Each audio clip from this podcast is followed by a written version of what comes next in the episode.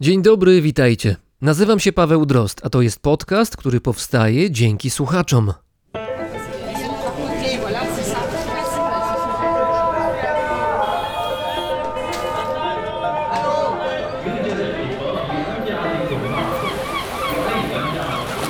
Brzmienie świata z lotu Drozda.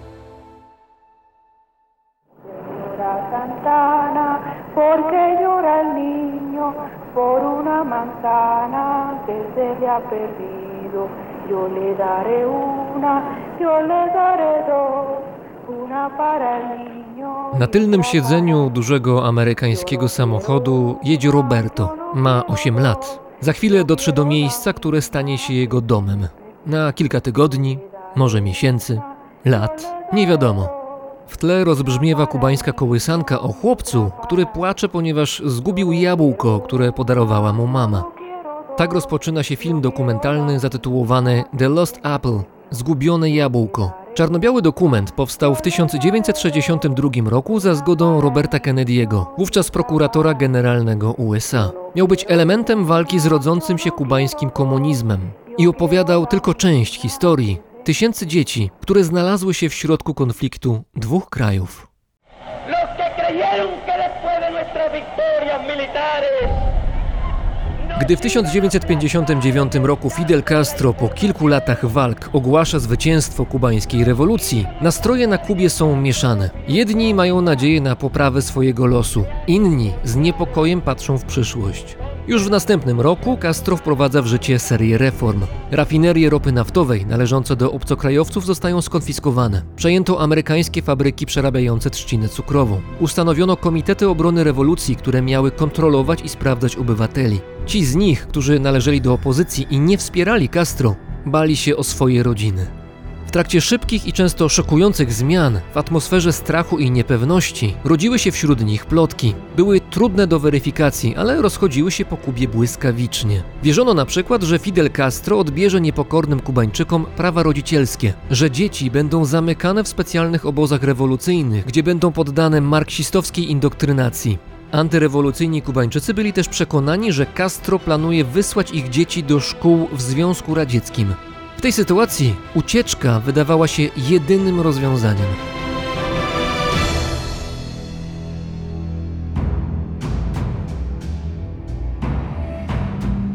Amerykanie związani z Kubą postanowili pomóc. Tak rozpoczęła się Operación Pedro Pan, czyli Operacja Piotruś Pan.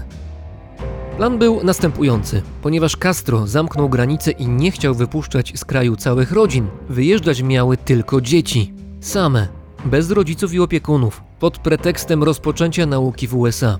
Na to Castro się zgodził.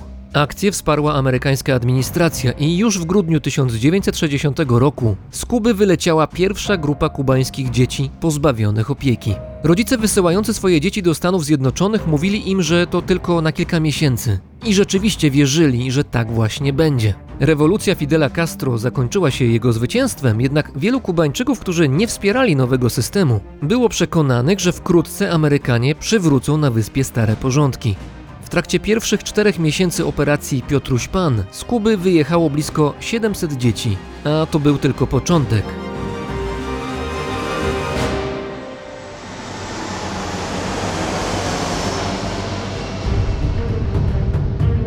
1961 roku Fidel Castro ogłasza na Kubie powstanie narodu socjalistycznego. Prywatne szkoły zostają znacjonalizowane, a szkolnictwo w całym kraju zostaje zatrzymane na kilka miesięcy. W tym czasie miał powstać nowy program nauczania dostosowany do rewolucyjnej wizji kraju. Uczniowie, którzy nie chodzili wtedy do szkół, mieli wyjeżdżać na wieś, by tam edukować wieśniaków i nauczać o marksizmie. Tymczasem antyrewolucyjnym rodzicom na Kubie, często przedstawicielom kubańskiej klasy średniej, udzielała się panika i poczucie niepewności jutra. Wszystko wskazywało na to, że Fidel zostanie na wyspie na dłużej, dlatego do USA odlatują kolejne kubańskie dzieci. Przez niecałe dwa lata do obozów przejściowych dla dziecięcych uchodźców w USA trafiło od 14 do 19 tysięcy dzieci w wieku od 5 do 18 lat, najczęściej chłopców. Większość mieszkała w obozie w Miami, na Florydzie, ale obozy były rozsiane na terenie kilku stanów. Stamtąd dzieci były przenoszone do rodzin zastępczych, gdzie miały oczekiwać przybycia swoich rodziców. Rodzice nie mogli jednak przyjechać. Komunistyczne władze Kuby wciąż nie zezwalały na wyjazd. 1962 roku Amerykanie zauważyli budowę radzieckich instalacji wojskowych na Kubie i rozpoczął się tzw. kryzys kubański. Wszystkie połączenia między Kubą a USA zostały zerwane. Dla rodziców dzieci wysłanych do Stanów Zjednoczonych był to koniec. Szanse na wyjazd spadły niemal do zera. Tylko nieliczni byli w stanie dostać się do USA przez Panamę, Meksyk albo Hiszpanię. Kryzys kubański w końcu udało się zażegnać i w 1966 roku połączenia lotnicze na linii Kuba-USA wznowiono. Wtedy dopiero większość kubańskich Piotrusiów panów połączyła się wreszcie z rodzicami, chociaż niektórzy musieli na ten moment czekać kolejne lata.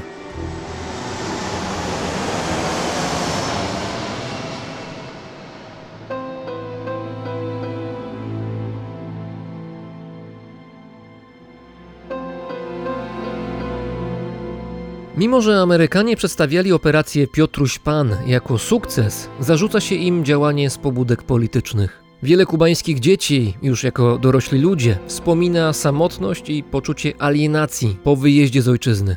Niejednokrotnie nie byli przyjęci ani do grona kubańskiej diaspory w USA, ani do amerykańskiego, głęboko podzielonego społeczeństwa. Wśród znanych publicznie kubańskich Piotrusiów panów jest m.in. Miguel Bezos, ojczym założyciela firmy Amazon Jeffa Bezosa oraz starsi bracia Dave'a Lombardo, perkusisty metalowej grupy Slayer. Operación Pedro Pan uznawana jest za jeden z największych eksodusów z udziałem dzieci w XX wieku.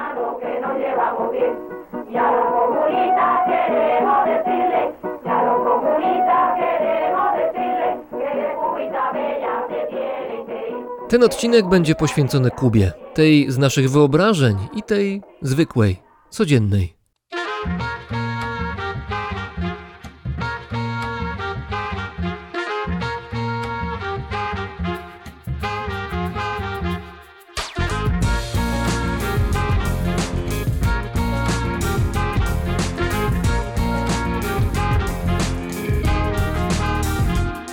Пожовтів на стіні постер Брюса Лі Брендан Лі і не жив. Взагалі з Боба Марлі, як ще Гевари Агенти зробили по бренду.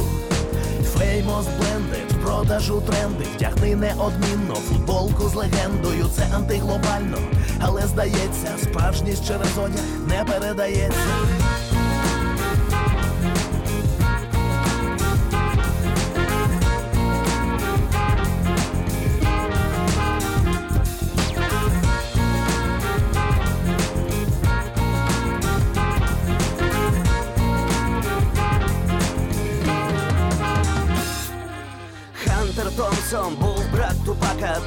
йшла атака, вони кричали мадов і неодмінно страждали вітрини. В кожного доктора своя доктрина. Справжні лишають по собі сліди. Володимир Семенович, це назавжди.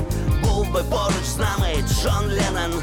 Він запитав би Саня, де ми? Але поки Фідель живий, поки живий, але поки Фідель живий, я іще малий, але поки жили, поки жили, але поки ти де живий, я іще малий.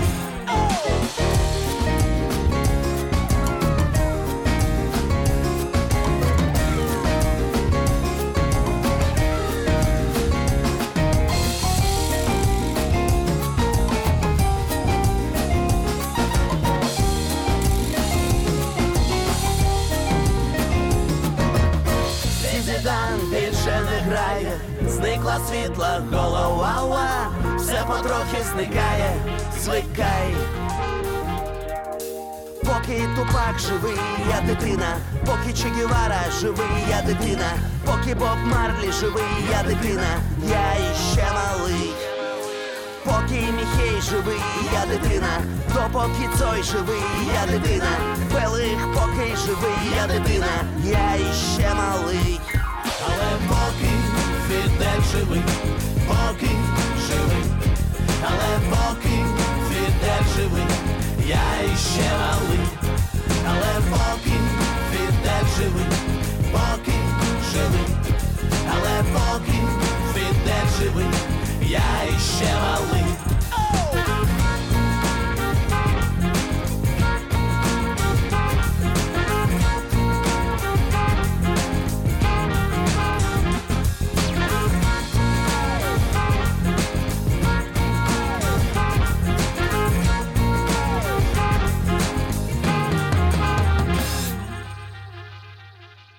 Zagrał nam ukraiński zespół TNMK, który śpiewał m.in. o Fidelu Castro. Premiera tej piosenki odbyła się na krótko przed tym, jak Fidel Castro wydał ostatnie tchnienie. Już go nie ma między nami, ale jego duch ma się chyba całkiem dobrze. Dawno nie było tak, że w brzmieniu świata miałem okazję rozmawiać z dwójką gości jednocześnie, a tak będzie tym razem. Razem z nami w Rzymie jest Ruksandra, Anna, antropolożka. Dzień dobry. Dzień dobry, dziękuję za zaproszenie. Gorąco w Rzymie, bo w Warszawie tutaj strefa tropikalna w tej chwili. Gorąco bardzo, gorąco bardzo, prawie jak w Hawanie. To u nas chyba tak samo. Myślę, że Oskar to potwierdzi, bo drugim gościem dzisiaj w rozmowie w brzmieniu świata jest Oskar Lubiński, również antropolog. Dzień dobry. Dzień dobry. I tak, mogę potwierdzić, że dzisiaj tropikalnie jest w Warszawie. Z Oskarem teraz ratujemy się wentylatorem, lekko nie jest, ale jakoś mam nadzieję, że damy radę, chociaż pot się z czoła leje dosłownie. Oboje prowadzicie i prowadziliście badania antropologiczne na Kubie. Na Kubie, gdzie jak możemy przeczytać w różnych reklamach biur podróży są rajskie plaże, można tam doświadczyć podróży w czasie, albo, to jest cytat, doświadczyć festiwalu zmysłów kolorowej i roztańczonej stolicy Kuby. No tylko jechać i podziwiać, a najlepiej jechać natychmiast, ponieważ to jest ostatni moment, żeby zobaczyć autentyczną Kubę. No jeszcze jeden mój ulubiony slogan reklamowy przeczytany na jednej ze stron agentów turystycznych w Polsce, autentyczne zupełnie zdanie. Cygara, rum i muzyka płynąca ulicą, na której kołyszą się w rytmie uśmiechnięci potomkowie Buena Vista Social Club. Takie dokładnie zdanie przeczytałem, które mnie zachwyciło i dlatego się nim dzielę. Aktualnie na ulicach Hawany ludzie nie są chyba zbyt uśmiechnięci, bo też nie kołyszą się w rytmie muzyki, tylko w rytmie bardziej wykrzykiwanych haseł antyrządowych, ponieważ od kilku dni trwają tam dawno niewidziane protesty. Do tych protestów będę chciał jeszcze wrócić, ale najpierw przyjrzyjmy się temu, jak Kuba widziana jest z zewnątrz. To myślę, że nasi słuchacze wielokrotnie widzieli zdjęcia chociażby starych kubańskich samochodów z lat 50., czy nawet wcześniejszych. To są samochody bardzo fotogeniczne, to jest fakt, ale utrwalają obraz Kuby jakiejś wyśnionej, wymarzonej, romantycznej. No w skrócie taki raj na ziemi i jednocześnie żywy skansen. To jest bardzo popularny stereotyp i w ostatnich latach się bardzo utrwalił. Tak, to jest najczęściej widziany obraz Kuby. Też, jak już wspomniałeś, biura podróży bardzo często go utrwalają. I, I nie tylko w zasadzie biura podróży, ale też agencje promocji turystyki rządu kubańskiego robią dokładnie to samo, czyli pokazują stare samochody, pokazują często sceny z kabaretu Tropicana, gdzie też w określony sposób pokazuje się najczęściej czarne kubańskie ciała. A co to jest kabaret Tropicana? Kabaret Tropicana to jest jeden z najbardziej znanych kabaretów w Hawanie, który jeszcze z czasów przed rewolucji był bardzo popularny, gdzie właśnie jakby odbywało się i odbywa się wciąż takie ogromne show. Myślę, że tutaj Ruksandra może więcej powiedzieć, bo ona specjalizuje się w tańcu. To jedna z takich ikon w zasadzie turystycznego wyobrażenia Kuby. No właśnie, to jest tak y, naprawdę jedyny kabaret, który w dalszym ciągu funkcjonuje w Hawanie, bo przed 59 roku, czyli przed rewolucją kubańską, Kuba była powszechnie znana jako burdel Karaibów. I szacuje się, że tylko w Hawanie na przykład działało aż 10 tysięcy pracowników seksualnych. Więc to był taki egzotyczny, erotyczny, tropikalny, inny, bardzo dostępny szczególnie dla turystów ze Stanów Zjednoczonych. I to był obraz, z którym rewolucja kubańska bardzo, bardzo walczyła. Po rewolucji zamknięto wszystkie te kabarety, większość barów, miejsc, gdzie można było tańczyć, ale Tropicana została. I tak jak Oskar powiedział, ona została włączona do tej kampanii Ministerstwa Turystyki Autentyka Kuba, która opiera się właśnie tak samo na tym zestawie najczęściej kojarzonych z wyspą symboli. Tak jak e, mówiłeś na samym początku, kiedyś pamiętam, że była taka e, wycieczka reklamowana jako rum, cygara czy Guevara i to były takie absolute hit. Tak, wszystko, co trzeba było zobaczyć i doświadczyć na Kubie, więc takich przykładów jest naprawdę bardzo, bardzo dużo. No i my się z tym spotkaliśmy nawet prowadząc badania, to często pierwsza reakcja, jak mówimy, że prowadzimy badania na Kubie, jest właśnie taka, że o jak wam fajnie, bo siedzicie pod palmą, jest ciepło, jest idealnie, bo w sumie pijecie rum, palicie cygaro i tańczycie. I na tym polega właśnie antropologiczne badanie Kuby. No i niestety To jest bardzo, bardzo daleko i od prawdy, ale też od rzeczywistości większość naszych rozmówców, osób, które żyją na tej wyspie. Więc to jest taki obraz tworzony przez kampanie medialne, przez przemysł turystyczny. To teraz zadam pytanie, na które nie ma odpowiedzi, ale mimo tego zadam to pytanie, ono musi paść. Co to jest autentyczna Kuba? Większość turystów tego szuka właśnie, tej autentycznej Kuby, ale oczywiście ona nie istnieje, bo każdy ma swoją definicję, powiedzmy, tej autentycznej Kuby i tutaj przychodzi mi na myśl taka impreza, którą organizo- zorganizowaliśmy z Oskarem chyba już trzy lata temu, to było Oskar, nasza impreza na świętach Bożego Narodzenia. No i oczywiście trochę tęskniliśmy za domem, ale byliśmy razem i stwierdziliśmy, że to jest taka okazja, żeby coś fajnego zorganizować. Więc rozmawialiśmy z naszymi sąsiadami, zaprosiliśmy ich, jeszcze naszych rozmówców i osoby, z którymi pracowaliśmy na co dzień. Przygotowaliśmy się do tej imprezy i oni byli bardzo, bardzo zadowoleni, że w końcu zobaczą, jak to jest, jak się świętuje za granicą, jak wyglądają te święta za granicą.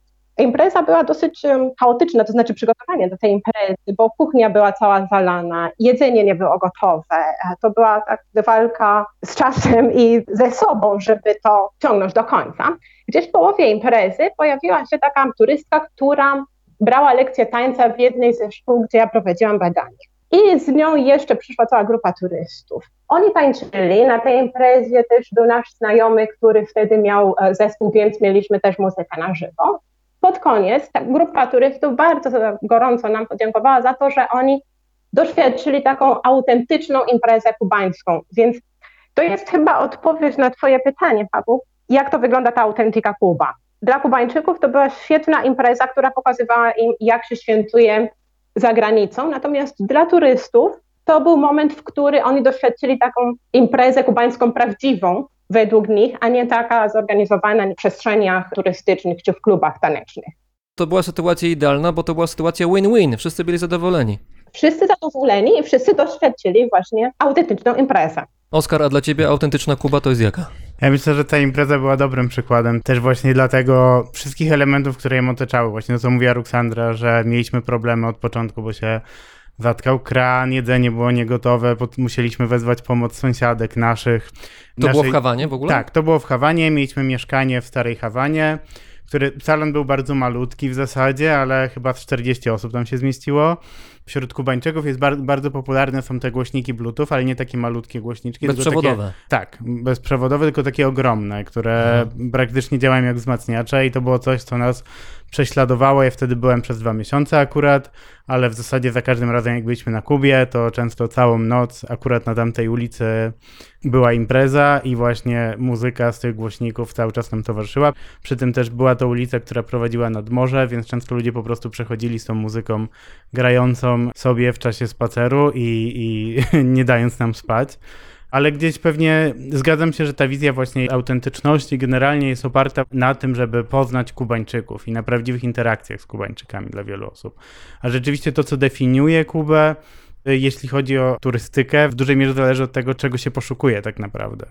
Choćby w moich badaniach na przykład, gdzie zajmuję się projektami rozwojowymi, na przykład pokazywano, jak jest tworzona permakultura na peryferiach Hawany i przyjeżdżali ludzie z Korei, ze Stowarzyszenia Rolników Koreańskich. Rolnicy koreańscy przyjeżdżali na Kubę, żeby Tak, zobaczyć... żeby oglądać projekty na peryferiach Hawany, które nie mają tych walorów turystycznych, czy na przykład studenci ze Stanów Zjednoczonych, bo też jeśli, to pewnie później możemy do tego wrócić, ale wcale nie jest tak, że w ogóle osoby ze Stanów Zjednoczonych nie mogą przyjeżdżać na Kubę i często te wymiany studenckie na tym polegały i i jak rozmawiałem później z tymi studentami potem, często podkreślały te osoby, że to takim otwierało oczy, że to jest taki aspekt Kuby, którego nie widzieli. Czuli się jakby automatycznie nobilitowani przez to, że mimo, że spędzali powiedzmy trzy dni w Hawanie, to widzieli taki projekt, więc było to bardziej autentyczne w cudzysłowie niż, niż gdyby spędzili cały czas na starówce czy zwiedzając muzea. Czyli dla nich prawdopodobnie Kuba to jest takie miejsce, gdzie wszyscy zajmują się permakulturą i rolnictwo kwitnie. Permakulturą, czy w ogóle, że są takie projekty, ale też jest bieda i, i że oni mieli dostęp do tego, że weszli z tego szlaku wytyczonego, tylko właśnie mieli takie prawdziwe, nieformalne interakcje. Wspomniałeś o tym, że ci ludzie, z którymi rozmawiałeś, to byli ludzie, dla których te wyjazdy były jakoś zmieniające. I tutaj nie wiem, czy nie przesadzam, ale mam takie wrażenie, jakby czasami turystyka na Kubę miała taki walor terapeutyczny. To znaczy, wyjazdy nie tylko po to, żeby spróbować tego rumu i zaciągnąć się cygarem i jeszcze potańczyć, ale właśnie, żeby znaleźć samego siebie albo samą siebie, żeby jakoś się zresetować, znowu wrócić na właściwą, naturalną ścieżkę prawdziwą, bo ta Kuba ma być taką ostoją właśnie do tej autentyczności, naturalności, takiej swojskości, nieskażona. Tak, ja myślę, że tutaj wchodzimy na teren kolejnej kliszy i tekstu, który może nie jest tak bardzo używany w promocji turystyki na Kubie, ale jeśli popatrzy się na blogi, czy nawet po prostu na codzienne interakcje, to ktoś na pewno powie, że Kubańczycy są biedni, ale szczęśliwi. Tak, zawsze uśmiechnięci i tańczą Tak. non-stop. Mieliśmy dużo z Ruxandrą też interakcji z różnymi turystami, którzy przyjechali na Kubę, żeby odłączyć się od internetu, bo na Kubie nie ma internetu. No ale Teraz jest. to prawda jest. Od 2018. Tak, jest dużo łatwiej się połączyć z internetem. Zawsze były też te parki z Wi-Fi, więc zawsze była jakaś opcja, no ale też było to dość uderzające, że z jednej strony jesteśmy w kraju, który ma bardzo liczną diasporę i W Stanach głównie. głównie w Stanach, ale też w całej Ameryce Łacińskiej, w Europie, dużo jest w Hiszpanii ze względu na też prawa migracyjne hiszpańskie, które pozwalają potomkom osób o obywatelstwie hiszpańskim uzyskać obywatelstwo hiszpańskie też, co umożliwia im dostęp. No ale niezależnie osoby, które w zasadzie potrzebują takiego stałego dostępu do internetu, po to, żeby mieć, utrzymywać kontakt z własną rodziną czy przyjaciółmi. I dużo z moich znajomych, bardzo bliskich mi osób, też opowiadało mi o tym, że to, co ich najbardziej bolało, to jak z roku na rok tracili przyjaciół, bo wyjeżdżali z Kuby. Ale to jest super równocześnie, bo możemy się odłączyć od internetu. Trochę zmusza nas do tego sytuacja, a nie my próbujemy się sami odłączyć od niego, tylko właśnie dlatego, że jesteśmy na Kubie, możemy doświadczyć tego. Albo jesteśmy znowu w żywym skansenie. To jest miejsce, gdzie się czas zatrzymał, więc my tu przyjeżdżamy i też jesteśmy częścią Tak, tego właśnie nie ma skansenu. internetu, a przy tym ludzie mają mało, ale się uśmiechają i jest też to wiązanie uśmiechu z byciem szczęśliwym. Shangri-La trochę. Tak, jest to bardzo uromantyzowany widok. Też oczywiście są osoby, które zakochują się, czy chcą przejść przez proces inicjacji do afrokubańskich religii, czyli Santerii Mhm. i Palomonte przede wszystkim, gdzie też, ponieważ nie są to bardzo zuniformizowane religie, też wiele osób umożliwia taki proces inicjacji w religię i wydaje mi się, że jest to trochę podobne do tego, co się działo w pewnym momencie z buddyzmem, jak wiele osób chciało przejść odnowę duchową, więc jechało do turystyka Indii religijna Tybetu. właściwie. Tak, że w jakiś sposób to jest taka turystyka religijna, która jest nastawiona właśnie na odnalezienie siebie poprzez inną religię. Oczywiście turystyka religijna jak najbardziej, ale wydaje mi się, że to jest szersze zjawisko, taki coaching lifestyle'owy i też są w ostatnich latach przede wszystkim jest bardzo dużo wycieczek zorganizowanych przede wszystkim dla kobiet, które poprzez uliczne interakcje na przykład z Kubańczykami mogą na nowo odkryć swoją kobiecość, swoją atrakcyjność. Jest mnóstwo takich warsztatów, takich wyjazdów zorganizowanych i te kobiety przyjeżdżają na Kubę i one uczą się, jak patrzeć, jak nawiązać rozmowę z mężczyznami na ulicy, to oczywiście to nie jest bardzo trudne, to jest kraj, w który takie uliczne zaczepki są powszechne, ale one nie są, nie mają nigdy przemocowej formy. No ale powstał cały biznes wokół tego, wokół odkrycia własnej kobiecości, co z kolei stwarza bardzo dużo problemów kobietom, które pracują na przykład w szkołach tańca ponieważ one muszą się dostosować do takiego ideału piękna i kobiecości importowane z Europy i muszą się uczyć dokładnie potrzeb tych kobiet, które przyjeżdżają, żeby się od Kubanek nauczyć kobiecości. I to się wiąże też z różnymi problemami, ponieważ na Kubie zawsze brakowało jedzenia. To nie jest takie proste, że zaczynam dzisiaj dietę i za 10 dni będę szczupła i tak jak z okładki tych kolorowych pism dla kobiet. I tancerki, z którymi ja pracowałam w szkołach tańca, bardzo często narzekały na to, że jedyne jedzenie dostępne dla nich jest to jedzenie z ulicy, które jest bardzo często smażone, jest tłuste, słodkie. To nie idzie w dobrą parę z dietą i z takim ideałem piękna, który jest coraz popularniejszy w ostatnich latach na Kubie, właśnie ze sprawą tych wszystkich wyjazdów zorganizowanych z Europy w poszukiwaniu kobiecości. Więc i ten idealizowany brak internetu, i takie idealizowane ciało kubańskie, które tak naprawdę ma mało wspólnego z tym, jak te ciała wyglądają na ulicy, to wszystko stwarza dodatkową presję na Kubańczykach, ale tworzy dla nas taki obraz bardzo, mm, bardzo przyjemny Oczywiście 10 dni bez internetu, z tańcem, z tym rumem, tak, to jest dobre doświadczenie. Później 10 miesięcy to zaczyna wyglądać zupełnie inaczej. I domyślam się, że jest jeszcze gorzej, jak się tam żyje całe życie bez możliwości wyjazdów z wyspy.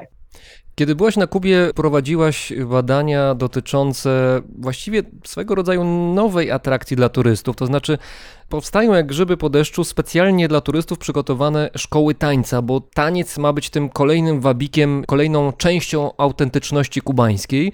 Ludzie przyjeżdżają nie tylko po to, żeby przypadkiem gdzieś tam, czy to na ulicach mają okazję, czy w jakichś lokalach, żeby sobie zatańczyć, ale żeby jeszcze albo wzbogacać swoje umiejętności taneczne rzeczywiście, albo poprzez taniec znowu doświadczyć tej Kuby prawdziwej. Na ile to jest zjawisko, które w tej chwili na Kubie się rozwija szybko i na, na ile ono jest istotne w tej chwili? W tej chwili, właśnie w tym momencie, kiedy rozmawiamy, to niestety już nie, bo szkoły tańca są w dalszym ciągu zamknięte, może funkcjonują takie zajęcia indywidualne, no ale przed pandemią, kiedy ja prowadziłam badania, one były bardzo ważne, to jest w miarę nowy, powiedzmy, rodzaj biznesu prywatnego, bo oczywiście taniec i muzyka mają o wiele dłuższą historię na Kubie, natomiast te szkoły są prowadzone specjalnie dla turystów i są, tak jak powiedziałeś, przedstawione jako, powiedzmy, okazja do doświadczenia innego wymiaru Kuby. Kubańczycy, którzy w tych szkołach pracują, opracowali bardzo szybko takie kompleksowe strategie, żeby zaspokoić zarówno potrzeb turystów, którzy poszukują autentycznego doświadczenia, ale też miłośników muzyki i tańca, ponieważ większość turystów powracających na Kubę właśnie są miłośnicy tańca i muzyki, którzy odwiedzają wyspę po to, żeby poprawić swoje umiejętności, poszerzyć e, wiedzę zdobytą poza Kubą. Przecież wszędzie już poza Kubą można uczestniczyć w lekcjach salsy, więc taki wyjazd to jest kolejny rodzaj, powiedzmy, legitymizacji swojej wiedzy. Tak? Uczę się salsy ileś tam lat w, w szkole w Warszawie, potem pojadę na Kubę i wracam i już mam tą kubańskość pisaną w ciele, nawet jeżeli tańczyłam, nie wiem, powiedzmy 10 dni. Więc Kubańczycy bardzo szybko zrozumieli, że to jest dobry biznes. Jak ja po raz pierwszy pojechałam do Hawany, prawie nie było tych szkół, z wyjątkiem, nie wiem, dwóch czy trzech. Natomiast w ostatnich czterech latach można było zobaczyć takie bardzo duże grupy turystów i Kubańczyków, którzy mieli koszulki z logo szkoły. Czasami instruktorzy nosili koszulki z napisem właśnie instruktor czy nauczyciel tańca. Mają wizytówki, stronę internetową, więc ten cały proces nauki wygląda coraz bardziej jak nauka tańca w szkołach w Europie. I dzięki temu, że Raul Castro zezwolił na prowadzenie działalności prywatnej, to te szkoły w ostatnich 10 latach, powiedzmy się, zrobiło ich więcej. I ciekawe dla mnie jest, że te szkoły nie tylko prowadzą lekcje salsy czy rumby, czyli tych tańców, które wydają się być przede wszystkim właśnie kubańskie, ale tam można się uczyć również stylów, które absolutnie kubańskie nie są. No ale jeżeli się na Kubie uczę, to powinno być to jakoś podniesione do potęgi, powinno być jakoś lepsze. Oczywiście, że tak. Od dawna funkcjonują szkoły tanga argentyńskiego na przykład, albo bachata dominikańska, jeżeli chodzi o karaibskie tańce. No ale w ostatnich latach bardzo popularna jest e, kizomba i to jest taniec z Angolii, który bardzo mocno się rozwijał właśnie na parkietach salsowych w Europie. Tak, pojawiają się ostatnio te tańce, które nie mają nic wspólnego z dziedzictwem kubańskim, natomiast są bardzo widoczne na międzynarodowych scenach tanecznych. Co to jest taxi dancer?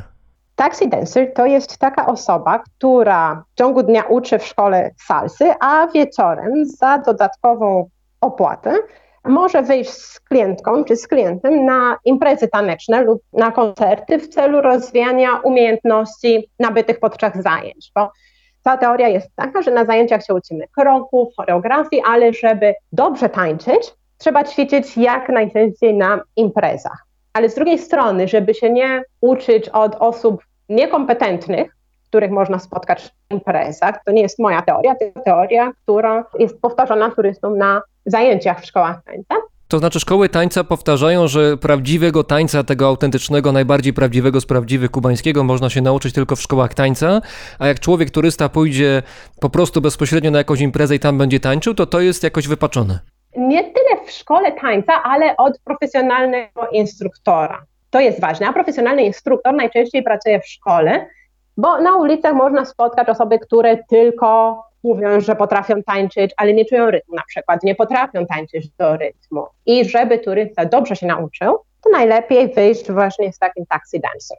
Teoria jest taka, że lekcje bezpośrednie jeden na jeden, no to oczywiście skuteczność nauki w tym momencie powinna rosnąć, ale z drugiej strony, no nie wiem czy słusznie, ale chyba turyści mają nadzieję czasami, że przy okazji może, kto wie, jakiś romans przeżyją, a może coś więcej.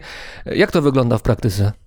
Bardzo różnie to wygląda, ponieważ te romanse z turystami są też wpisane w tych doświadczeniach w szkołach tańca. Na przykład jeden z moich rozmówców powiedział mi kiedyś, że większość kursantek przyjeżdża na Kubę już potrafią tańczyć, natomiast szukają właśnie takiego romansu i myślą, że jeżeli raz zatańczysz z nimi, no to chcesz z nim chodzić i być nawet w takim krótkim, intensywnym, wakacyjnym romansie. I oczywiście to nie jest mile widziane przez właścicieli szkół tańca, ale to nie znaczy, że się nie wydarzy. I w ostatnich latach bardzo dużo moich e, rozmówców przyjechało do Europy właśnie z byłymi kursantkami, na przykład, z którymi już byli w związkach.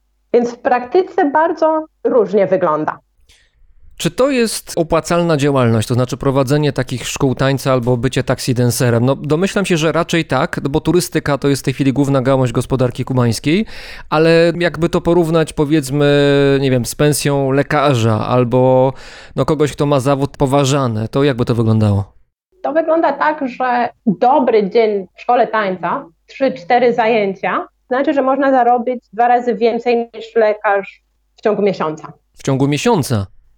To nie jest tak, że codziennie są lekcje tańca. I należy pamiętać tutaj, że turystyka ok, jest bardzo ważna na Kubie, ale generalnie od listopada powiedzmy do kwietnia. W sierpniu raczej nauczyciel tańca tak dużo nie pracuje, ponieważ nie, nie ma tak dużo turystów, więc to też trzeba pamiętać. No ale są też dobre dni, kiedy można dużo zarabiać. I też są takie dni, że może czekać przez cały dzień w szkole i nie mieć ani jednego klienta albo klientki. Różnie bywa, ale generalnie oni są bardziej zadowoleni z takiej pracy, pomimo tego, że ona jest taka niepewna, że wymaga bardzo dużo elastyczności od nich, jednak są bardziej zadowoleni z takiej pracy niż z pracy w sektorze państwowym. Niektórzy mieli zupełnie inne prace, nauczyli się tańczyć, nauczyli się uczyć tańca, bo to też jest ważna różnica. Ktoś może być bardzo dobrym tańcerzem, ale nie umieć uczyć, więc większość nowych instruktorów najpierw przychodzi taki kurs instruktorski i dopiero później zaczyna pracować z turystami. To jeszcze jedna rzecz, jeżeli chodzi o taniec, która mnie zaskoczyła, to znaczy to, że właściwie to, że tańce kubańskie, mam na myśli głównie salsę i rumbę, że one są takie popularne, to zawdzięczamy właściwie w dużej mierze Fidelowi Castro i kubańskiej rewolucji. To Fidel Castro i jego poplecznicy jakoś wypromowali te tańce właśnie i to dzięki nim Kuba z tego słynie. Tak i nie. Historia salsy jest trochę bardziej skomplikowana, ponieważ salsa i jak mówimy salsa, to tak naprawdę mówimy o kubańskim casino, tak się nazywa ten taniec na Kubie. Salsa to jest taka nazwa marketingowa, która funkcjonuje głównie w szkołach salsy, ale jak z Kubańczykami rozmawiamy, to oni tańczą casino. Żadnej salsy nie tańczą. Tańczą ją właśnie tak jak mówię w szkołach tańca. Salsa prawie zniknęła po rewolucji kubańskiej, natomiast rząd Fidela Castro bardzo mocno promował właśnie tańce afrokubańskie ponieważ to było zgodne z ideologią rewolucyjnego rządu, że na Kubie już nie ma rasizmu, nie ma dyskryminacji rasowej, klasowej, więc rumba, która jest afrokubańskim dziedzictwem, bardzo dobrze pasowała do tej ideologii rządu kubańskiego ale to, to nie znaczy, że Afrokubańczycy potrafili od razu wejść w te ścieżki turystyczne, ponieważ oni byli, są w dalszym ciągu marginalizowani, między innymi właśnie w branży turystycznej. I rumba do dzisiaj na przykład jest postrzegana jako zajęcie dla czarnych, dla ludzi o niskiej kulturze, ponieważ rasizm na Kubie istnieje w dalszym ciągu i jest bardzo silny. I ona jest skojarzona z przesadą, z wulgarnością, z agresywnością, więc miała taką bardzo ambiwalentną pozycję już od lat rewolucji i do dzisiaj ją utrzymuje. To teraz porozmawiajmy o tym, y, jak się na Kubie żyje. Ja wiem, że trudno mówić o całym kraju, jak żyje cały kraj, tak samo jakby ktoś zapytał, jak się w Polsce żyje, no to zależy komu. Ale no, w związku z tym też to Oskar mówił, że Kuba to jest takie miejsce, gdzie ludzie są biedni, ale szczęśliwi. No to trzeba mieć świadomość tego, że to jest kraj, te protesty, które są w tej chwili, są dowodem na to, że to jest kraj, który no rzeczywiście nie cierpi na nadmiar pieniądza.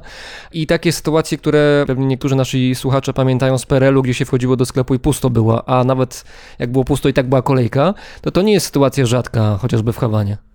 No niestety nie. Ja też myślę, że warto wspomnieć na temat tego, jak sytuacja się zmieniła przez COVID i przez pandemię, bo generalnie problemy z dostępnością produktów w sklepach były od zawsze. Ja jeżdżę na Kubę od 2014 roku i zawsze bywało lepiej, bywało gorzej, ale powiedzmy, że trzeba było nauczyć się takiej strategii, jak już dłużej tam mieszkałem, że za każdym razem patrzyłem co jest w danym sklepie i nie myśleć, a dobra, to sobie kupię to za jakiś czas, tylko Od razu kupujemy, jak póki kupować, jest. Póki jest, bo może zniknąć.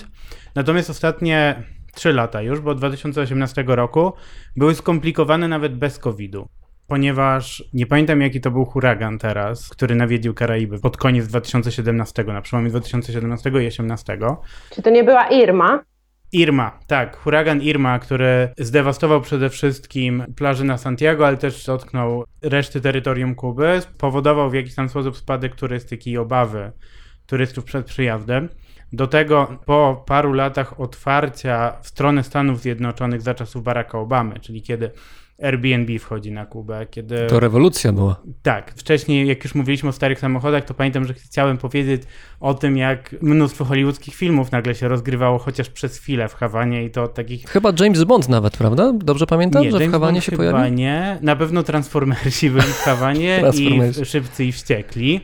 I gdzieś był ten boom turystyczny, Mhm. po czym Donald Trump zostaje prezydentem, Kuba zostaje ponownie wpisana na listę krajów wspierających terroryzm przez Stany Zjednoczone.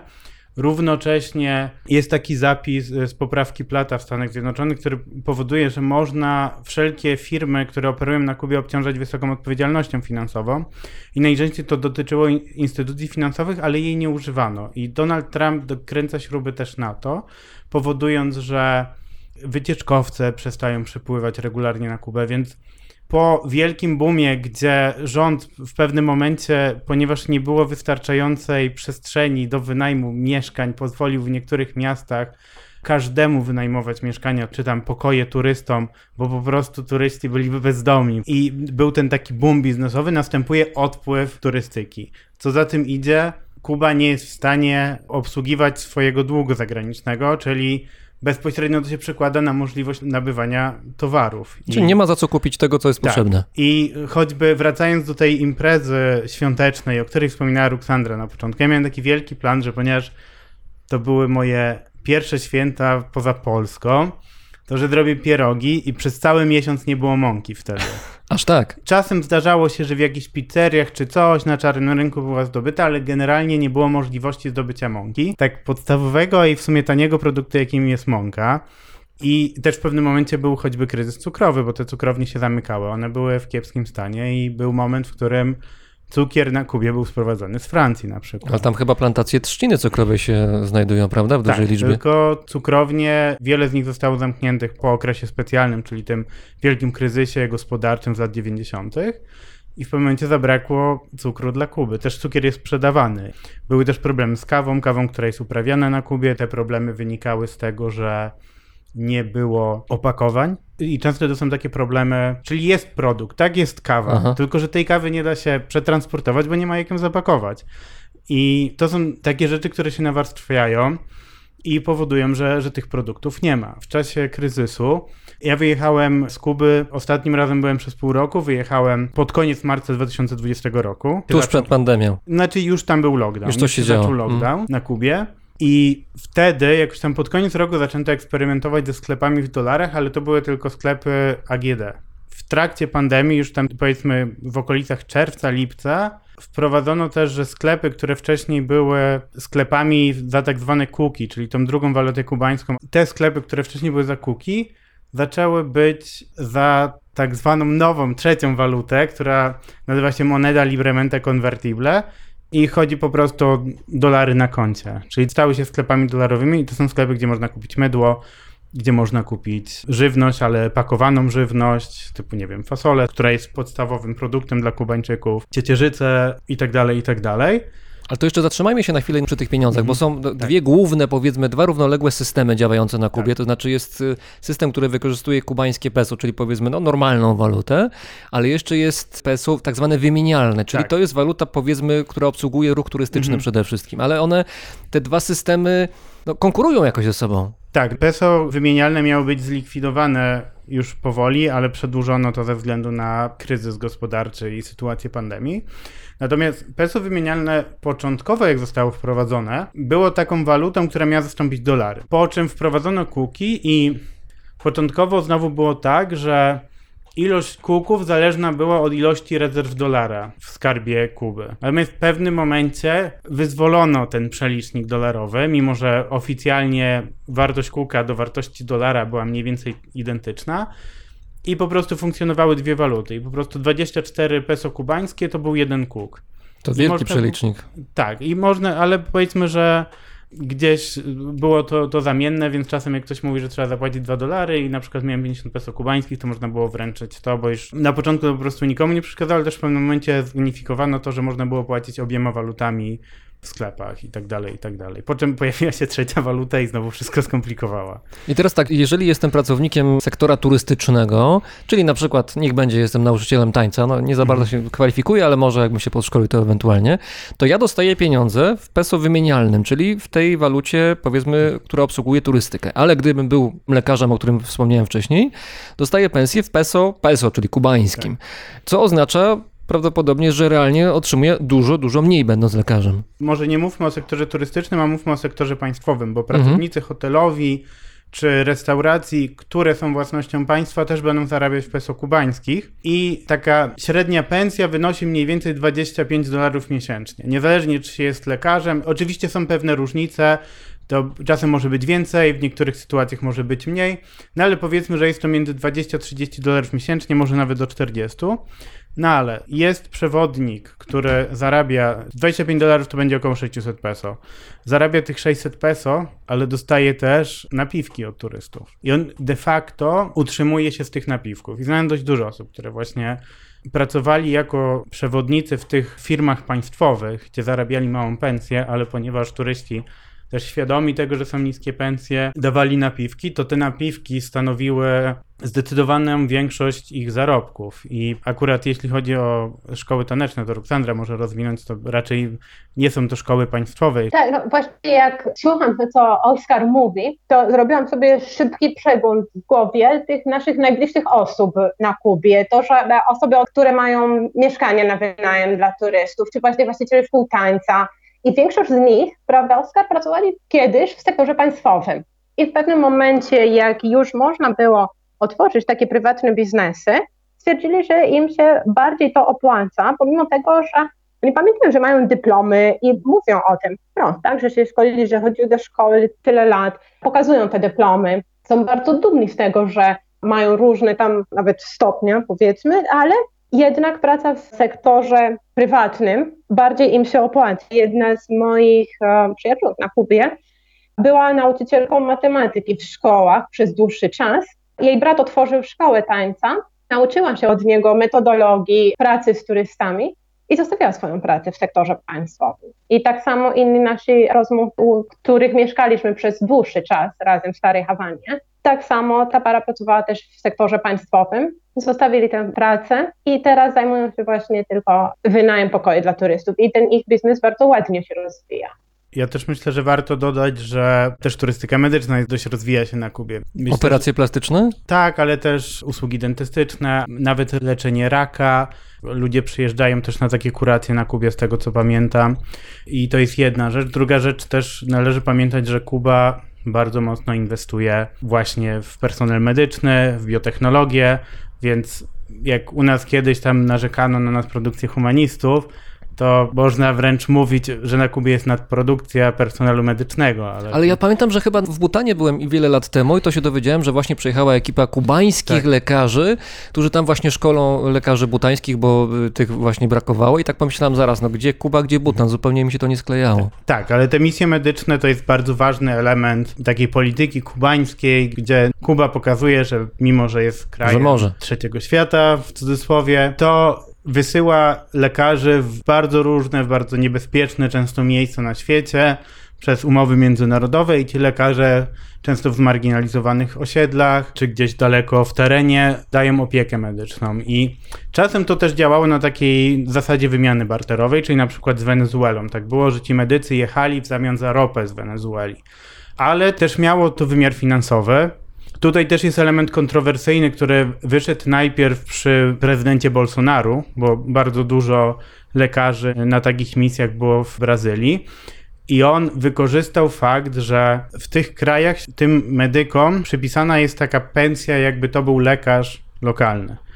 Tyle, że ci lekarze dostają z tego 25 dolarów, czyli tę pensję kubańską, a reszta idzie do kasy państwa. Czy państwo na nich zarabia? Tak, państwo na nich zarabia. No i Bolsonaro, żeby promować swoją politykę i skrytykować rząd kubański, właśnie powiedział, że, że musi to przestać tak być. Czyli miał jakby asa w rękawie w tym momencie, jakkolwiek można się nie zgadzać z jego polityką. I w tym momencie Kuba wycofała lekarzy z Brazylii, część została, część nie. Też e, jakiś czas temu, w trakcie tego największego kryzysu sanitarnego we Włoszech związanego z COVID-em, też była wysłana misja kubańskich lekarzy. Ale jakiś czas temu Parlament Europejski uznał oficjalnie, że jest to forma handlu ludźmi. Właśnie przez to, że realnie te pensje są nierealistyczne w stosunku do wykonywanej pracy lokalnie idzie to do, do kasy państwa kubańskiego, więc z jednej strony często to są heroiczne historie i dużo ludzi, których ja poznałem, którzy na przykład wynajmowali domy, ale wcześniej byli lekarzami, dość dobrze wspominali te wyjazdy, ci, którzy wrócili i jeździli na te misje często w niebezpieczne miejsca, ale gdzieś w jakiś sposób dla nich to też była forma właśnie możliwości wyjazdu i tak dalej, ale ona była też obostrzona właśnie wieloma wymaganiami, które też mogły dotknąć nie tylko ich, ale też ich rodziny finansowo i tak dalej, więc... To znaczy chcesz powiedzieć, że y, ich rodziny to byli zakładnicy na miejscu, trochę w tej formie? Znaczy, może nie bezpośrednio, że tam przemoc ich groziła czy coś, ale jeżeli załóżmy własność była na tego lekarza, własność domu, to ten dom mógł zostać odebrany, jeżeli on by uciekł z misji i został w danym kraju, więc no nie wiem, czy słowo zakładnik jest tu najlepszym słowem, ale też nie było to moralnie przejrzyste tak naprawdę. To ładnie powiedziane. To teraz zatrzymajmy się na chwilkę w stolicy, zatrzymajmy się w Hawanie, bo Hawana kilka lat temu obchodziła 500-lecie, prawda? Istnienia, dobrze pamiętam? W 2020 były. Chyba jakoś tak. Tutaj wspomnieliście o tym, że wielokrotnie w ramach wejścia w ten rynek turystyczny Kubańczycy, a może przede wszystkim Hawańczycy wynajmują swoje lokale mieszkalne. A co jest ciekawe w tym kontekście, to jest to, że Hawana już w tej chwili w niektórych miejscach jest tak gęsto zaludniona, że w porównaniu z Warszawą to jest razy cztery czasami. Mhm. Co by oznaczało, że tam ludzie, człowiek na człowieku jest. Jak to w tej chwili wygląda w praktyce? W ogóle z czego wynika problem, że tak ludzie są zagęszczeni tak bardzo w stolicy? To w zasadzie nie jest problem bezpośrednio turystyki, tylko to jest problem, który narastał od, od lat 40. na dobrą sprawę. To trochę jest moje poletko, bo zajmuję się przede wszystkim nieformalnymi osiedlami, czyli osiedlami, gdzie ludzie zajmują kawałek ziemi, budują z czegokolwiek sobie dom i... Czyli nielegalne mieszkają. historie. Tak, nielegalnie, czy później można to zalegalizować, ale tak, pierwotnie jest to nielegalne i najwyższej gęstość zaludnienia jest, o ile się nie mylę, centrum Hawany, czyli w dzielnicy Habana Centro.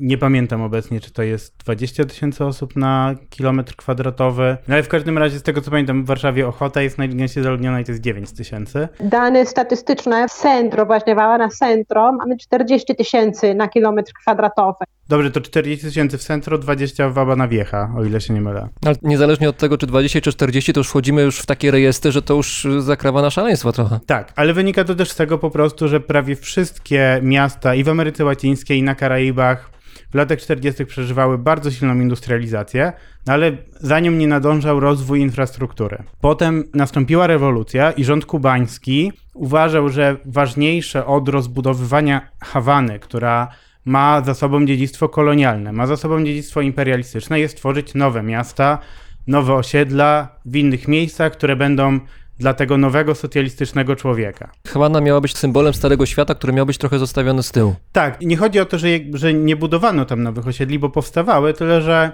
powiedzmy, że była potraktowana trochę po macoszemu, szczególnie ta stara część, która tuż przed rewolucją ona w ogóle miała zostać wyburzona, bo dyktator Fulgencio Batista widział, żeby ta stara Hawana była na powrót luksusową dzielnicą, a nie dzielnicą biedy, bo ta stara Hawana, która jest centrum turystycznym, jest w większości czarną dzielnicą i biedną dzielnicą do dzisiaj, mimo zmian, które nastąpiły przez rozwój biznesów.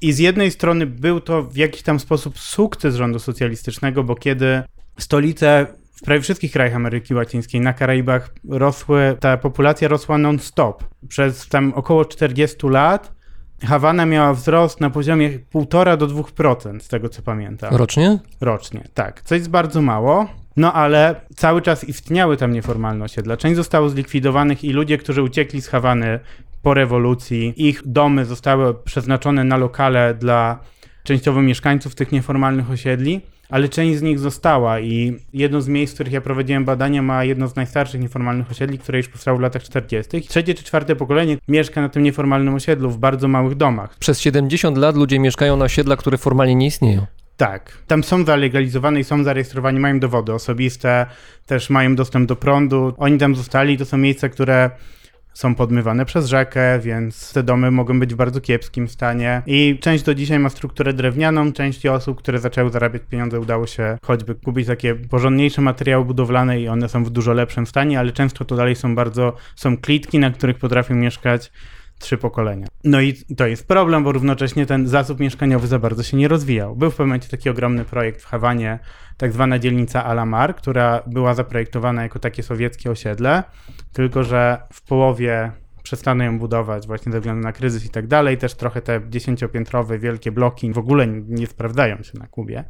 No i jest to taki trochę pomnik właśnie takiego trochę niezrealizowanego projektu, że tam część jest tych bloków, jest ogromna siatka ulic, która prowadzi donikąd, jest zarośnięta i jest to dość ciekawe miejsce, żeby zobaczyć. A jeszcze do tego dochodzi ten kryzys lat 90., kiedy na powrót mamy masowe migracje do Hawany, bo to jest jedyne miejsce, gdzie można mieć dostęp do twardej waluty, gdzie jest są możliwe turyści, zdobycie jakieś... ich portfele. Tak, turyści, ale też nawet właśnie praca, czy po prostu zdobycie czegoś do jedzenia. Część osób najzwyczajniej w świecie mieszkała na, na nieformalnych osiedlach, dlatego że obok na przykład było wysypisko śmieci i z tych śmieci mogli wydłubać materiały, które mogli przeznaczyć na budowę, ale też które mogli przeznaczyć do, na sprzedaż, do recyklingu i z tego się utrzymywać, co nawet w innych miejscach było, było wręcz niemożliwe. Jest taki też dokument na temat hotelu, który został zamknięty w pewnym momencie, hotel Bristol to był, i został zajęty przez właśnie różnych mieszkańców, ponieważ go tam podzielił ochroniarz, który miał zajmować się tym hotelem i nie wpuszczać nikogo, ale w końcu prawie cały hotel został zamieszkany. Jest Został dyrektorem pani, nieformalnym. Tak, i w tym dokumencie starsza pani mieszka w basenie na przykład. Ja Mm. poznałem jedną osobę, która mieszkała w tym hotelu, ale akurat w kuchni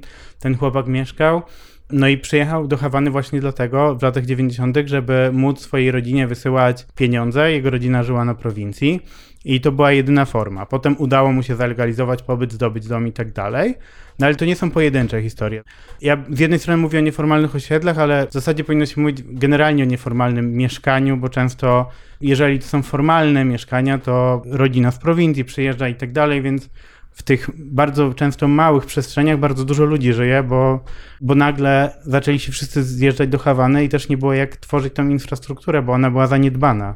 Wspomnieliście też oboje, mam wrażenie, o czarnej społeczności Kuby. To znaczy, no wiadomo, że gdzieś pod koniec XIX wieku niewolnictwo zostało na Kubie zniesione, ale rasizm czy takie zachowania z rasizmu wynikające wciąż są tam obecne, ale jednocześnie trzeba wiedzieć, że ponad połowa, czy prawie połowa Kubańczyków ma korzenie afrokubańskie, więc no mówimy o kilku milionach ludzi. Jak te nierówności, podziały rasowe i społeczne przy okazji też, jak to wygląda w praktyce?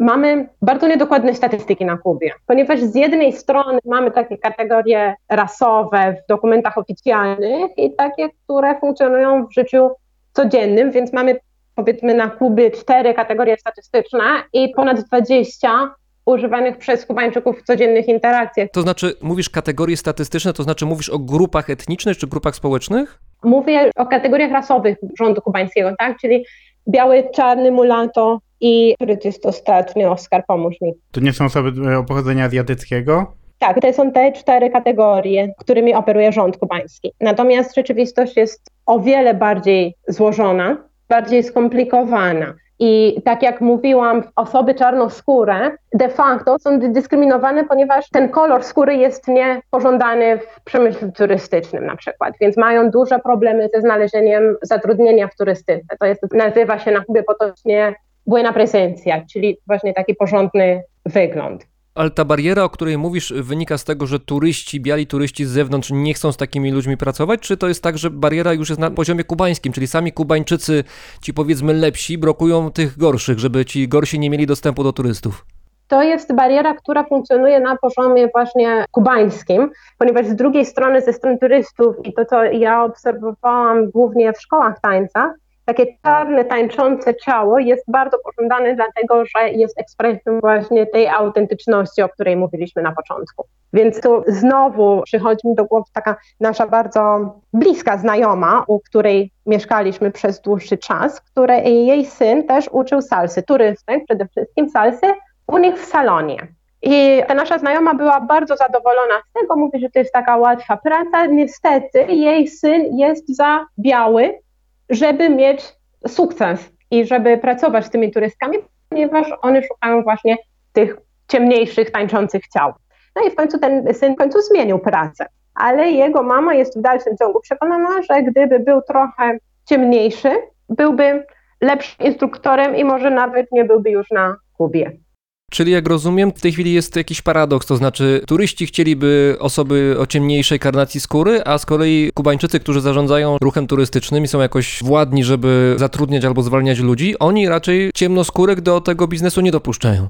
Mam na myśli tutaj bardziej ten biznes, na przykład restauracje, hotele właśnie, bo szkoły tańca bardzo szybko zrozumiały potrzeby turystów. Więc tutaj dyskryminacja ze względu na kolor skóry nie jest tak oczywista jak w restauracjach państwowych czy w hotelach. Też jeśli mówimy o tych podziałach rasowych na Kubie, to nie możemy zapomnieć o migracji, bo wiele z tych prywatnych biznesów, które funkcjonują na Kubie, funkcjonuje z pieniędzy diaspory kubańskiej. Z Florydy na przykład. Tak, w ogromnej mierze z Miami, nie tylko, ale w dużej mierze z Miami. I teraz mamy taki mechanizm, który spowodował, że w latach 60. ludźmi, którzy uciekali z Kuby, byli najczęściej biali Kubańczycy. Też dlatego, że często posiadali jakieś swoje biznesy, że gdzieś tam te podziały klasowe i rasowe są bardzo silnie powiązane na Kubie ze sobą. I oni uciekali do Stanów Zjednoczonych, gdzie na nowo zaczynali życie. I biali Kubańczycy często są wyborcami Donalda Trumpa i uważają się za białych, a nie za latynosów. I teraz mamy sytuację, w której większa część diaspory kubańskiej jest biała, natomiast bardzo duża część społeczeństwa kubańskiego biała nie jest de facto. No i nie ma za bardzo dostępu do mikrokredytów czy jakiegoś takiego finansowania tych biznesów, więc jeżeli biznesy są finansowane, to są finansowane z pieniędzy diaspory. Często to są biznesy rodzinne, więc białe rodziny inwestują w biznesy białych ludzi, więc... Czyli podziały społeczne są pogłębiane w ten sposób. Tak, tak, jakby one są wzmacniane przez to, że to nie jest tak, że nie ma oczywiście czarnej diaspory kubańskiej, tylko w zdecydowanej większości też dlatego, że rewolucja miała za cel równość między ludźmi i, i gdzieś byli beneficjentami w ten sposób, że nagle mieli dostęp do pracy, nagle mieli dostęp do wyższego wykształcenia, czy w ogóle do, do wykształcenia, tak? No i zostawali, uciekali w dużo mniejszym stopniu, i to się przekłada z kolei na to, że dzisiaj nie mają tego wsparcia, a to wsparcie mają biali Kubańczycy, bo mają jakby dużo silniejsze sieci społeczne rozwinięte w diasporze kubańskiej. W 2016 roku Fidel Castro odszedł do lepszego ze światów. Dwa lata później oficjalnie internet, użycie internetu dla Kubańczyków zostało dopuszczone. Jak te ostatnie kilka lat właśnie, kiedy internet jest dostępny, jak rozumiem, powszechnie, pewnie jest drogi, ale jednak jest dostępny. Jak to wpłynęło na, na Kubę współczesną i jak możemy połączyć ten fakt, że internet już jest, z tym, że w tej chwili na Kubie trwają protesty? Czy tutaj jakiś związek między jednym a drugim możecie zauważyć? To jest bardzo trudne pytanie i myślę, że przede wszystkim w kontekście tych trwających protestów musielibyśmy jeszcze trochę poczekać, żeby zrozumieć dokładnie to, co się dzieje, ponieważ właśnie mamy tylko takie fragmenty informacji i pojedyncze obrazy. Czy ja myślę, że możemy powiązać na pewno z tego względu, że w ciągu ostatnich paru lat, też to co ja śledziłem, to następuje pewien rozwój różnych ruchów społecznych, które bez dostępu do internetu tak szybko by się nie rozwijały i mają trochę większy wpływ na politykę rządu, nawet choćby takie coś jak jakiś czas temu, dzięki takim oddolnym ruchom, udało się wymusić stworzenie prawa, które będzie chroniło dobrostan zwierząt na Kubie. A jak to się ma do Santerii? Bo niektóre obrzędy zdaje się, że biorą pod uwagę odbieranie życia zwierzętom w sposób nagły.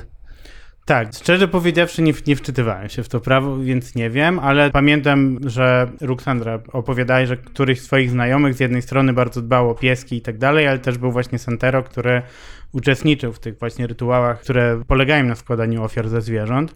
Natomiast z tego co pamiętam, bardziej chodzi o generalnie taki zły stosunek do zwierząt, bo, bo często zwierzę, zwierzę było traktowane jako rzecz i można było robić z nim cokolwiek, dlatego nawet to, to już jest jakiś tam postęp. Też na pewno podejmowane jest to rozróżnienie między celami religijnymi, a okrucieństwem dla okrucieństwa, nie, niezależnie od tego, jak, jak my na to będziemy patrzeć. Natomiast gdzieś tam ta siła mobilizacji w mediach społecznościowych istnieje. Też od jakichś paru lat istnieją niezależne kubańskie media, jak choćby portal OnCuba, który jest tworzony przez dziennikarzy z Miami i z Kuby. Też są takie media w Miami, które znowu przez Facebooka pozwalają Kubańczykom czytać informacje. One często są mediami antyrządowymi, często szukają sensacji we wszystkim, często przedstawiają wydarzenia w sposób, który jak najbardziej ma krytykować rząd, nawet jeżeli jest to bez sensu. I o ile one często są blokowane, jeśli się wejdzie bezpośrednio na stronę internetową, to albo przez VPN, albo po prostu można czytać tytuły na Facebooku. Też wydaje mi się, że pozwala on na takie codzienne czy stałe raportowanie i donoszenie o tym, co się dzieje, co nie było wcześniej oczywiste. I w zasadzie taki największy protest przez te wszystkie lata to był w 1994 roku tak zwany Malekonaso, który miał miejsce wyłącznie w Hawanie. Natomiast te protesty z ostatnich dni, które wynikają właśnie z kryzysu sanitarnego ogromnego, które związane są z brakiem produktów, były w całym kraju de facto. No gospodarka też padła, tak, bo nie ma no, turystów. No, tak, tak, tak. No właśnie, no, tym, że nie ma, nie ma co jeść, są te sklepy dolarowe, ludzie często nie mają tych dolarów i pod tym względem wydaje mi się, że ujawnia się siła internetu. Też tutaj wspomnę, że tuż przed protestami był ogromny kryzys, cały czas jest, sanitarny w Matanzas. Matanzas to jest miasto mniej więcej oddalone 90 km od Hawany, bardzo blisko Varadero. No i tam brakuje środków sanitarnych, brakuje obecnie wszystkiego. Szpitale są przepełnione, a... A mówimy o kraju, który jeszcze chwilę temu lekarzy wysyłał za granicę. Tak, tylko że mówimy też o kraju, który miał przez dość długi czas utrzymywał mniej więcej tysiąc przypadków covidowych dziennie, po czym one wzrosły z dnia na dzień do 3000, po czym do 7000 i najbardziej uderzyło to w Matanzas. I moi znajomi z tych różnych projektów i tak dalej organizowali pomoc w Hawanie, pomoc finansową, czy przede wszystkim materialną, właśnie przez dzielenie się lekami, maseczkami, środkami higieny i tak dalej i jeździli rowerami do Matanzas po to, żeby je dostarczyć. I to też jest jakaś tam siła mobilizacyjna tych mediów społecznościowych. Wydaje mi się, że bez dostępu do internetu nie byłoby to wcale tak łatwe do zorganizowania. Tak, generalnie nie chciałbym, żeby nasi słuchacze, ci, którzy na Kubie byli albo którzy na Kubę się wybierają, żeby poczuli, że są pod pręgierzem i że tutaj atakujemy ich, że w ogóle absolutnie jest niemoralną sytuacja, kiedy człowiek wyjeżdża na Kubę i ma jeszcze, nie daj Boże, jakieś oczekiwania i szuka tej mitycznej autentyczności, to nie o to chodzi. Ale gdybyście mogli z waszej perspektywy poradzić trochę takim ludziom, to znaczy z jakim nastawieniem powinni pojechać, na to zwracać uwagę, żeby z jednej strony, no, żeby po prostu mieli fajne wakacje, bo przecież po to wyjeżdżamy w różne miejsca na świecie, dalsze i bliższe, ale jednocześnie, żeby świadomość tego, gdzie są, im ciągle gdzieś tam się pojawiała w głowie i żeby mieli świadomość tego, kim są ludzie, z którymi się spotykają tam na miejscu, na Kubie. Tu w dużej mierze jest właśnie ta kwestia otwartości na drugiego człowieka i na to, że te interakcje po to są i tak naprawdę też wyjeżdżając, czy choćby wybierając zamiast hotelu te casas particulares. Czyli lokale prywatne. Tak, prywatne lokale. Zostawia się tam pieniądze, które też mogą posłużyć Kubańczykom. Są też osoby, które nie wiem, przywożą materiały szkolne, czy przywożą ubrania, które później zostawiają, czy czy kosmetyki. Oczywiście tu jest problem, tak? Bo z jednej strony. To mówisz o przywożeniu y, dziesiątek długopisów na przykład, na przykład rozdawaniu. Tak, albo. O tego nie pochwalamy no za takiemu bardzo. rozdawaniu na ulicy, tak? Mhm. Też w czasie jed, jednych z tych wizyt do tych projektów permakulturowych pamiętam, że była grupa turystów niemieckich, którzy mieli siatkę z, właśnie z produktami, chyba ze słodyczami i losowym dzieciom na ulicy je rozdawali. No to nie jest najlepsza forma Mhm. pomocy. Natomiast z jednej strony istnieje trochę tych projektów, jedne trochę bardziej stały się też atrakcją turystyczną. Jak często o to się krytykuje tak zwany Callejon de Amel, też projekt Muralando, które są dość znane, ale można odwiedzić takie projekty. Co to jest? Projekt Muralando to był taki projekt artystów trochę oddalonych dzielnic już od centrum Hawany, którym właśnie tworzono murale w dzielnicy, tak po to, żeby zachęcić turystów i tam realizowano warsztaty plastyczne dla dzieci i tak dalej, i tak dalej. W momencie stał się bardzo sławny, też medialnie dość znany międzynarodowo, no ale też spotkał się z krytyką, że bardziej stał się biznesem niż, niż takim projektem wsparcia, no ale tych projektów jest dużo. Czasem te osoby też proponują jakieś wycieczki. Można w taki sposób wchodzić w interakcję, ale najzwyczajniej w świecie też po prostu rozmawiać i gdzieś tam wspierać te lokalne biznesy na pewno, bo oczywiście pewnie czasem przyjemniej może być mieszkać w hotelu, ale też te Casas Particulares oferują dość wysoką jakość usług de, facto, a są tańsze. Też często oferują wyżywienie i tak dalej, i tak dalej. Jest to jakaś tam forma wspierania i takiego podróżowania nie chcę powiedzieć bardziej etycznego, bo oczywiście pytanie, co jest etyczne w 100%, ale w taki sposób. Nie wiem, czy Ruksandra się zgodzisz. Tak, absolutnie. Ja myślę, że a propos tych interakcjach, to kluczowe jest tutaj właśnie to otwarcie i musimy po prostu być przygotowani, że te interakcje będą wyglądać tak, jak wyglądają, a nie tak, jak my sobie wyobrażamy, że będą wyglądały. I tu jest chyba cały, cała tajemnica należałoby zrezygnować z tego, jak my sobie wyobrażamy, że ta wyspa będzie wyglądała, że te interakcje z Kubańczykami i po prostu być otwarci, słuchać, no i przygotować się do tego wyjazdu, może czytając coś więcej niż same oferty biur turystycznych. To zawsze pomaga. Zastanowienie się też, po co my tam jedziemy. Czy na przykład taka przerwa od internetu, jak na początku mówiliśmy, czy jest potrzebny aż wyjazd na Kubę po to, żeby się odłączyć od internetu? Tak, to wystarczy pojechać w Bieszczady i już będzie przerwa z internetem bez problemu. Albo wyłączyć sieć w telefonie. I... Tak, i zastanowić się na przykład, czy właśnie odkrycie swojej kobiecości kosztem innych osób, które tak naprawdę wykorzystamy do tego projektu osobistego, czy to jest dobry pomysł na te 10 dni wakacji. Tak, jest sobie pytanie zadać przed wyjazdem i oczywiście być otwarty na te interakcje, jak będziemy na Kubie, a nie tylko w naszej głowie, w naszej wyobraźni przed wyjazdem. Bardzo Wam dziękuję. Naszymi gośćmi byli w Rzymie Ruksandra Anna. Dziękuję również. I w Warszawie, w Polsce Oskar Lubiński. Bardzo dziękuję. Ja też dziękuję. Mi voz puede volar, puede atravesar cualquier herida, cualquier tiempo, cualquier soledad, sin que la pueda controlar. Toma forma de canción, así es mi voz que sale de mi corazón y volará sin yo querer por los caminos más lejanos, por los sueños que soñé. Será reflejo del amor, de lo que me tocó vivir. Será la música de fondo, de lo mucho que sentí. Oye mi son, mi viejo son, tiene la clave de cualquier generación en el alma de mi gente, en el cuero del tambor, en las manos del conguero, en los pies del bailador yo viviré. Allí estaré mientras pase una comparsa con mi rumba cantaré. Seré siempre lo que fui con mi azúcar para ti. Yo viviré.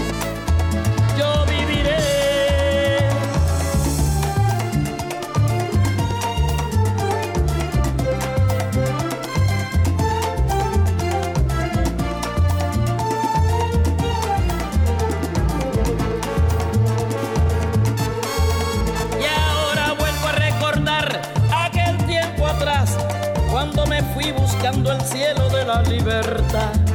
Cuántos amigos que dejé y cuántas lágrimas lloré, yo viviré para volverlos a encontrar y seguiré con mi canción, bailando música caliente como bailo yo. Y cuando suene una guaracha y cuando suene un guaguancó, en la sangre de mi pueblo, en su cuerpo estaré yo. Oye mi son, mi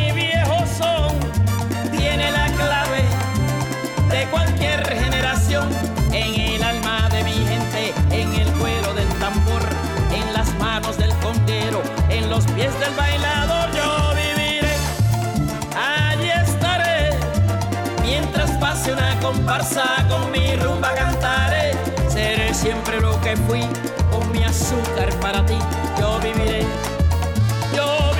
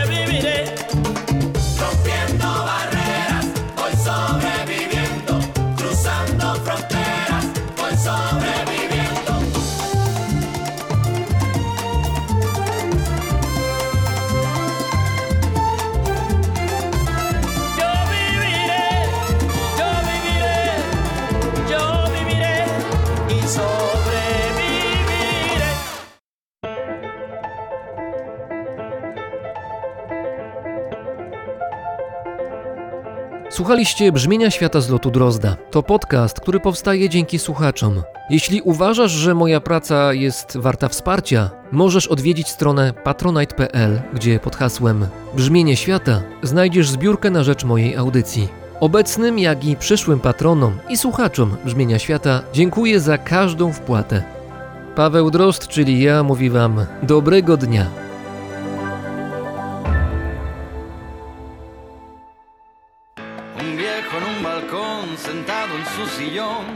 Que va a esperar la muerte. Al frente en un salón se reza una oración que puede hacer mejor la gente. En un lugar que sé, un tipo que no ve, saca una foto excelente. Y en la calle un señor vestido como yo, dice que yo no soy en una casa ayer con techo de papel me invitan a comer,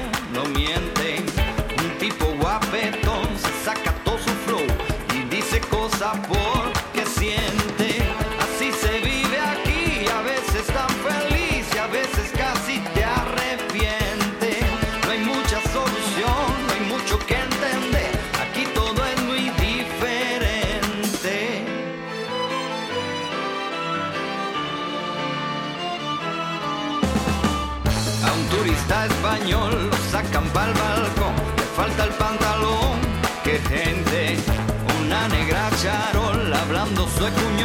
Dice que es sueca y que no entiende.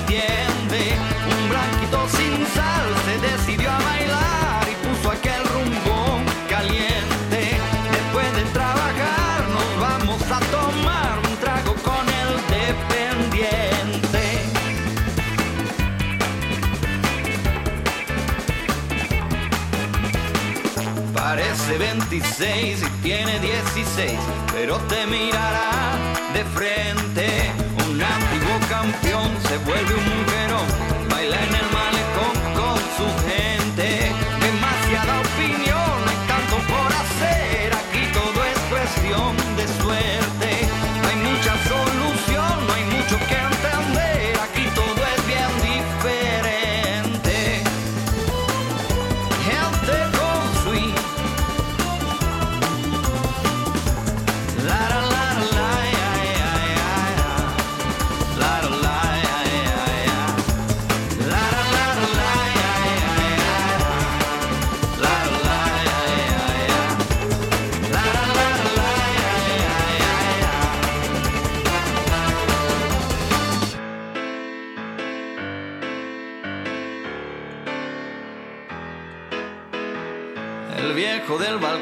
Se da un trago de ron, dice que ya mató la muerte.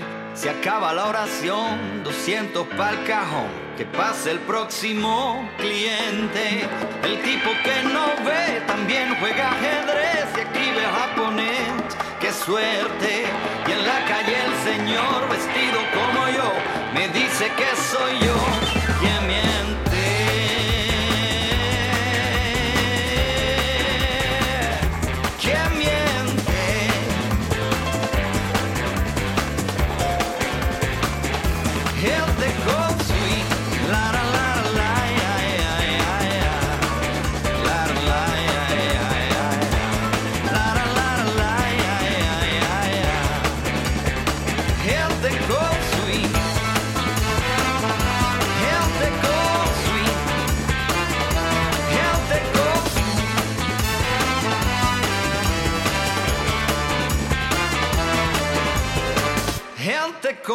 We.